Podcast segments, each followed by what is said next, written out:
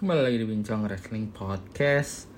Gue udah lama banget ternyata Baru sadar Gue karena sibuk kerja ya. Jadi baru sadar gue udah lama nggak upload si apa namanya si podcast ini dua minggu.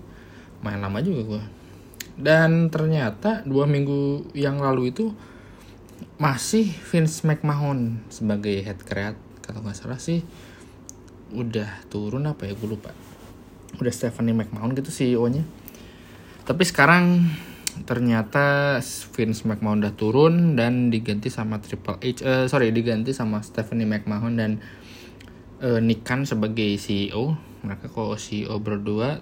Terus diganti Triple H di eh, apa namanya tuh? Head of kreatif nah sebenarnya si episode ini gue dedikasikan buat keinginan gue atau bukan keinginan sih? Gimana bagusnya gitu ya Triple H bikin menjadi head kreatif cita-cita apa eh, sebutannya bukan keinginan gue apa sih namanya? Ekspektasi gue lah buat Triple H gitu ke depannya. Karena kemarin banyak orang yang bilang wah Huawei bagus nih ngebook si SummerSlam. Karena kan mulai SummerSlam gue juga mau bikin uh, review SummerSlam jadi lupa. Uh, kayaknya besok gue baru keluarin. Terus apa namanya?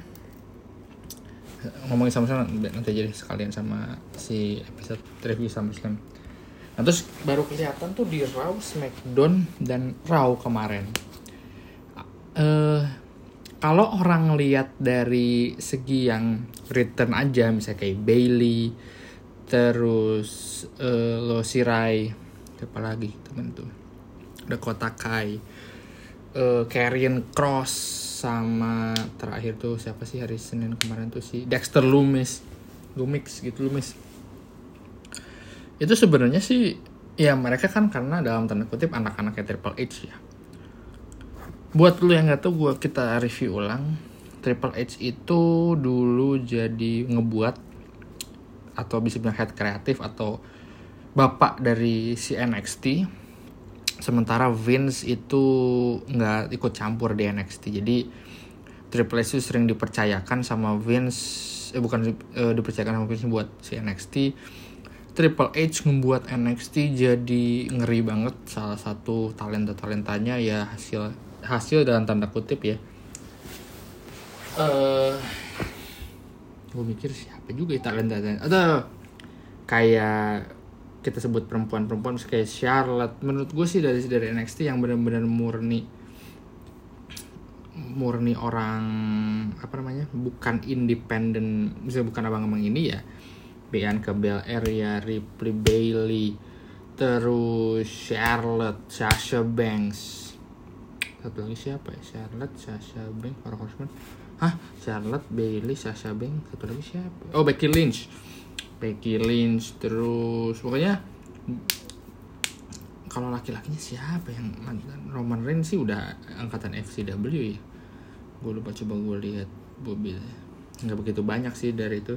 Tapi yang jelas dulu NXT keren banget FTR salah satunya The Revival Johnny Gargano Andrade terus uh, siapa lagi sih namanya? Malakai Black hmm, Alpha eh bukan Alpha Academy siapa eh, namanya itu ya. Eh iya Alpha Academy bukan siapa namanya lupa gue pokoknya banyak lah. Si NXT itu sama si Triple H. Dengan diproduksinya NXT sama Triple H dan gue sering bilang NXT itu bapak dari AEW dan sayangnya sayang banget si NXT nggak sempat punya ke kesempatan kayak AEW yang bisa jadi uh, tour ke mana-mana gitu keluar dan dan dan tiap eventnya kan mereka week by week gitu kan. NXT sebenarnya sama banget konsepnya kayak AEW cuman nggak di nggak dibuat gitu jadi sebuah uh, event yang mumpuni. Terus jadi ya udah gitu si si apa namanya si NXT cuma di performance center atau di kemarin itu di Universal uh, apa namanya? Gue dirupaan sih nama si ininya si universitasnya. Itulah pokoknya. Jadi lupa gue eh uh, terus udah gitu triple kan pandemi start Wednesday Night War. WWE kayaknya kurang bisa ngefokusin buat AIDA uh, buat NXT Triple H-nya sakit serangan jantung jadi 2021 tuh akhirnya NXT dalam tanda kutip mati di rebranding ulang jadi yang terlalu kayak wahana. Gue sebutnya NXT itu kayak wahana sekarang tuh bukan jadi lebih ke performance tapi lebih ke wahana dan uh, ya udah gitu akhirnya terus terus sekarang Triple H balik lagi terus dia udah murah digantung sepatu di WrestleMania kemarin dan sekarang jadi head of kreatif gitu Nah baru dari beberapa hari ini mantan-mantan anak-anak buahnya yang udah dipecat dulu, Dexter Lumis sudah dipecat, Karen Cross sudah dipecat, balik-balik lagi gitu di hire sama Triple H. Yang gua yang gua kan orang mah gila nih Triple H. Yang gua seru cuma sebenarnya bukan cuma itu doang yang Triple H gila. Dia bisa ngebuk orang-orang kayak kemarin tuh kayak si Seth Rollins ngelawan si bisa Angelo Dawkins. Triple threat uh, Mustafa Ali sama AJ Styles atau lagi siapa ya? Lau pokoknya kemarin triple lu tau lah triple threat dua dua kali triple threat terus yang menang bakalan taruh di main event. Menurut gue itu keren banget dari segi match matchnya dari segi sebenarnya uh, yang bagus karena Triple H itu orang lama ya dan Triple H tuh bedanya sama Tony Khan itu Triple H itu tidak terlalu bisa gini dia suka dan sayang karena industri ini karena dia terlibat. Kalau Tony Khan tuh berawal dari uh, fans sementara Triple H itu berawal dari dia ya uh, pekerja gitu. Jadi dia tahu mana bagus dan buruknya si si untuk si ini gitu si produk wrestling.